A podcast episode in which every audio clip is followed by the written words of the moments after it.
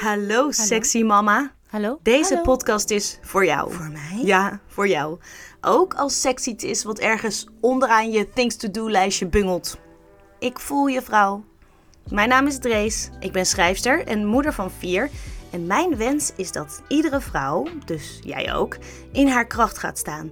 Specifieker in je vrouwelijke sensuele kracht. In deze podcast begin ik bij mezelf.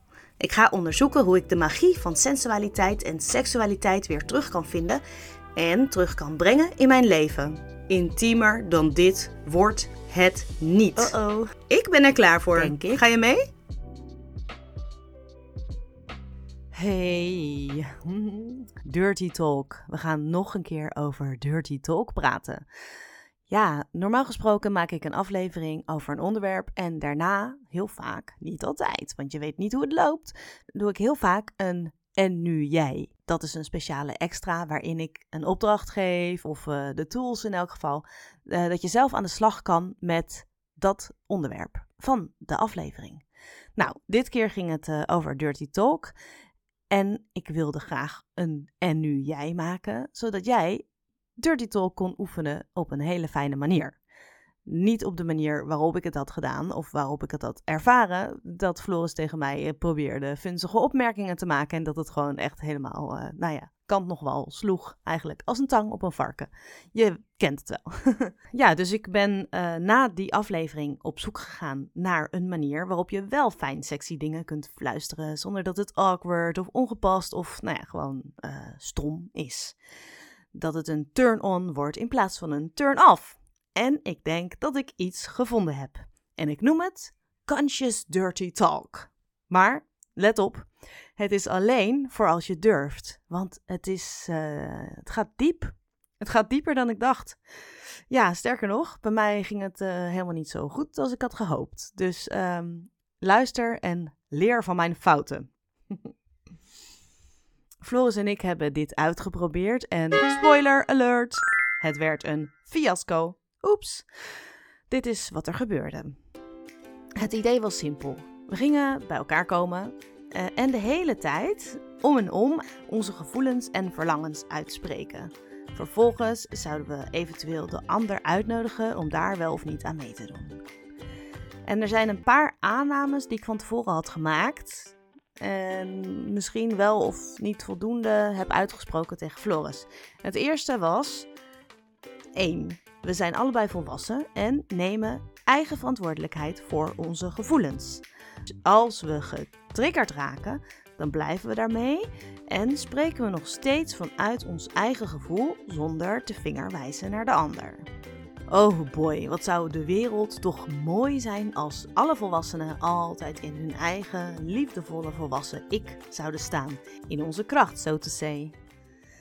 Overigens had ik helemaal niet de angst dat we getriggerd zouden raken. Nee, maar dat gebeurde wel degelijk. Daarover zometeen meer. Eerst nog die andere aannames. Aanname 2. Dit wordt sexy. Als twee mooie mensen elkaar heel erg lief hebben, dan kan het niet anders dan als ze samenkomen met de juiste intentie in een fijne setting, dat het minimaal intiem wordt en misschien wel heet. En aanname 3, stukje theorie, we oefenen radical honesty. Wat? Wat zeg je? Wat? Wat? Misschien moet ik dat even uitleggen. Radical honesty betekent dat je super eerlijk precies vertelt wat je observeert in jezelf. En ook in de ruimte, wat je voelt in dat moment, wat je denkt, wat je wilt. En daarmee hoef je jezelf niet mooier voor te doen dan je bent. Want jezelf mooier voordoen dan je bent is eigenlijk al een beetje jokken, hè? Dat is al een beetje oneerlijk. Ja, en radical honesty, dat haakt ook een beetje aan aan de wheel of consent. En die heb ik al vaker genoemd en ik ben er nog steeds geen expert in. Maar even in dit geval was het belangrijk om de hele tijd zuiver te blijven voelen. Wanneer doe ik iets omdat ik het wil? Wanneer doe ik iets omdat een ander, omdat, nou ja, omdat ik denk dat een ander het wil? En als een ander iets van mij wil, wil ik dat dan wel aan diegene geven? En doe ik dat dan vanuit mijn hart, met volle overgave iets geven? Of sta ik er toe van, nou oké, doe maar. Hè? Ja, dus dat waren de aannames. Dan was er nog een beetje voorbereiding. Een beetje, niet te veel. Het was niet helemaal perfect. Ik had wel een halve poging gedaan tot een kloppende setting. Een halve poging is geen hele. We hebben tegenwoordig namelijk best een fijne plek waar we de juiste context kunnen neerzetten voor een romantische, sexy avond. Dat doen we het liefst namelijk gewoon in de huiskamer, bij het vuur. We hebben een houtkachel op de grond. Daar leggen we kussentjes neer en een kleed. En we doen kaarsjes aan en de gordijnen dicht. Muziekje erbij, je kent het wel. Ik had deze avond een beetje haast.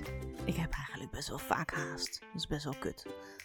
Ik wilde in ieder geval om 10 uur naar bed die avond, omdat ik de laatste tijd zoveel moe was.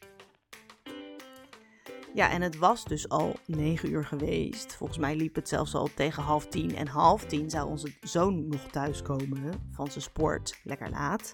Ja, super suf, I know.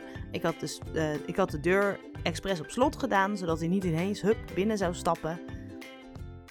En we gingen het tegenover elkaar zetten. We zetten een tantrische playlist op. Lang leven Spotify, alles is gewoon te vinden. En we begonnen met onze ogen dicht om naar binnen te keren. Ah ja, oh, nou, daar was hij dus. De oudste. Even open doen. Oké, uit onze concentratie. Want, oh, hij had ook nog een tas met natte kleding. En een koffer vol met vragen en verzoekjes. En of hij nog even mocht schermen. Wat hij natuurlijk helemaal niet naar mocht. Hij moest meteen naar bed. Hup. Nou, waar waren we? Mm, oh ja, we gingen in de vertraging. Terug naar de vertraging. Terug naar onze ademhaling. Oogjes dicht. Mm, onthaasten. Oké. Om een lang verhaal kort te maken, volgende keer doe ik beter mijn best voor een goede context. Genoeg tijd en privacy. Maar weet je, ik wilde al zo lang in rust uh, met Floris tot elkaar komen. En ja, elke avond was er wel iets te doen. Sliepen de kinderen slecht. Volgende week menstrueer uh, volgende, week, volgende week ga ik menstrueren. Dus dan zal het ook wel weer niet lukken. Dus ik wilde dat het nu, ik wilde dat het nu zou gebeuren. Nu. dus, oké. We begonnen om beurten spraken we. Ik voel, puntje, puntje, puntje. En dan hij, ik voel, puntje, puntje, puntje. Vervolgens ik weer, ik voel, en dat kon van alles zijn hè. Van koude billen tot nieuwsgierigheid, tot een kriebel in je buik, etc. En het idee was dus om, uh, ja, de intentie was om wel tot elkaar te komen. Als een soort van dirty talk, maar dan vanuit het hart. En ik probeerde mij kwetsbaar op te stellen. Daar had ik zin in. Tegelijkertijd zat ik erbij als een koningin, reizig, rechtop, trots en heel open. Letterlijk in mijn lichaamstaal, maar ook uh, ja, energetisch. Dus, nou, het, het is wel een beetje eentonig, hè? Ik voel dit, ik voel dat, ik voel. Maar het werkt wel. En vervolgens dan, ik heb de impuls om ik voel het verlangen naar en ik wil je uitnodigen om. Hoe voelt dat voor jou? Dus heel zuiver en strak en netjes. En ik merk dat het voor mij belangrijk is. Zo'n kader schept voor mij veiligheid. Nou, hij voelde bijvoorbeeld de warmte van het vuur. Ik voelde nieuwsgierigheid. Hij voelde zijn hart kloppen. Ik voelde een brok in mijn keel. En zo ging het een tijdje door. Een paar keer flopte ik eruit. Dan voelde ik me warm, koud, wiebelig, gewankel. Afgeleid door de muziek. Dus, nou ja, Spotify is niet helemaal altijd perfect. Dus dan ging ik weer met mijn aandacht naar mijn telefoon om even een, een nummertje te skippen. En dan vervolgens probeerde ik weer. Dan voelde ik weer dat ik stil wilde worden. En daarna merkte ik weer dat ik voelde dat ik wilde bewegen. Vervolgens dat ik mijn kleren uit wilde doen. Aha, gaat goed dit. We zaten nog steeds op onze eigen krukjes tegenover elkaar. Nou, en ik deed mijn kleren uit. Blijkbaar voelde hij dezelfde impuls. Hij deed het ook. En hij zei dat hij zich vertederd voelde door mijn schoonheid. Hij ging lekker. Het was fijn. Het was fijn om steeds dieper in mijn lichaam te voelen en steeds meer bewust te zijn van mijn gedachten en die allemaal uit te kunnen spreken zonder dat iemand daar iets van hoefde te vinden. Nou, ik voelde dus letterlijk dat ik mij opende en dan weer een beetje terugtrok in mijn schulp. Echt interessant. En toen zei hij: Ik voel dat jij mij aan het controleren bent. Wat? Dat kan helemaal niet. Het is A, geen gevoel. Ik bedoel, een echt gevoel zou zijn: ik voel me onzeker of zoiets. Dus blijkbaar werd er iets in hem getriggerd. Oké, ik was hem helemaal niet aan het controleren. Ik was gewoon aan het vertellen dat ik me onzeker voelde en voelde dat ik me een beetje terugtrok. Nou ja, oké. En door. Hij kwam naar mij toe met zijn handen. Oh, dat was zo fijn. Het was echt heel erg lekker. En ik voelde ook dat ik het langzamer wilde ervaren. Dus ik vroeg hem of hij het nog een keer wilde doen. Nou, dat was oké. Dus daar kwam hij heel langzaam met zijn handen richting mijn borsten. Ik had mijn ogen dicht. En ik begon helemaal te trillen. En dat was niet van de kou, maar het was dus, ja, komt weer het woordje open in me op. Het was heel erg energetisch en spannend. oh, en toen voelde ik dat hij blies. Dus ik zei: Oeh, dat is koud. Ging door met uh, mij aanraken. En op een gegeven moment liet hij één hand zakken. Dus ik zei: Oh, ik voel me afgeleid doordat die hand ineens weg is. Waarop hij reageerde: Ik voel dat je me de hele tijd aanwijzingen geeft. Nou, toen vond ik het niet meer leuk. Pats! Deur dicht. Ik heb mijn kleren aangedaan. Ik kon niet meer open zijn en ik voelde me meteen onveilig. Het was namelijk niet waar. Hij deed het gewoon fout. De oefening deed hij gewoon fout. Ik gaf hem helemaal geen aanwijzingen. Ik vertelde alleen maar wat ik voelde, wat ik ervoer.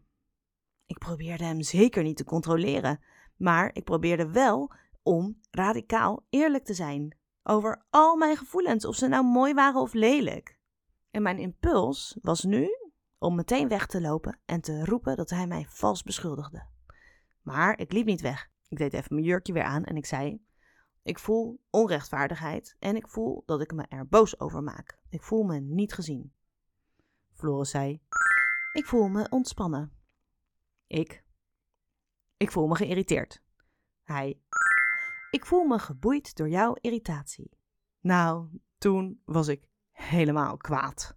En dat zei ik ook. En ik zei ook dat ik mij onveilig voelde.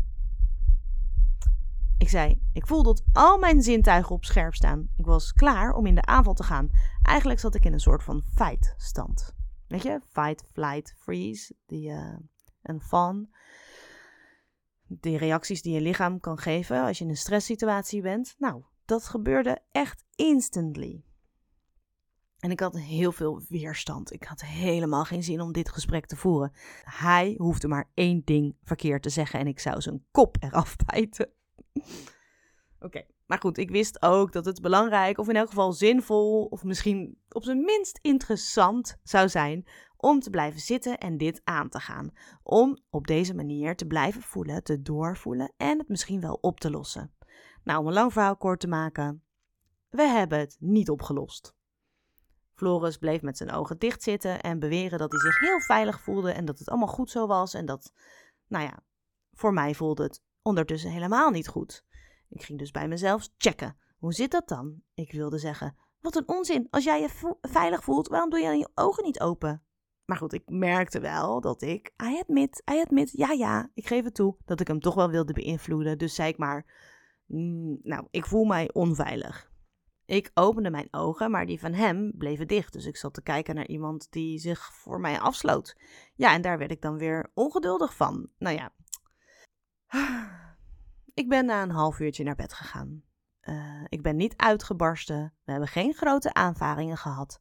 Maar op een gegeven moment vond ik het wel klaar. Het was half elf en ik wilde al lang in bed liggen. Er was stagnatie, zeg maar. Dus uiteindelijk vroeg ik: Wil je delen wat er gebeurde?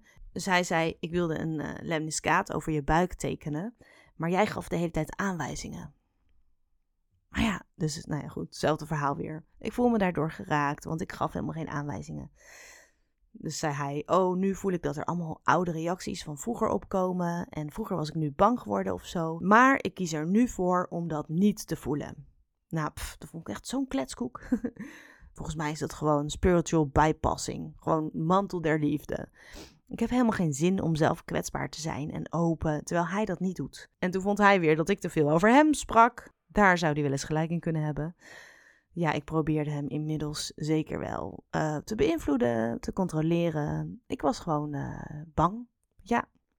Nou, tot de kern zijn we niet gekomen. We zijn een beetje blijven hangen op een oppervlakkig niveau. En daar hebben we het bij gelaten. Volgende keer beter. Tja, I hope. Bedankt dat je hebt geluisterd naar dit avontuur. Ik ben benieuwd wat het met je heeft gedaan.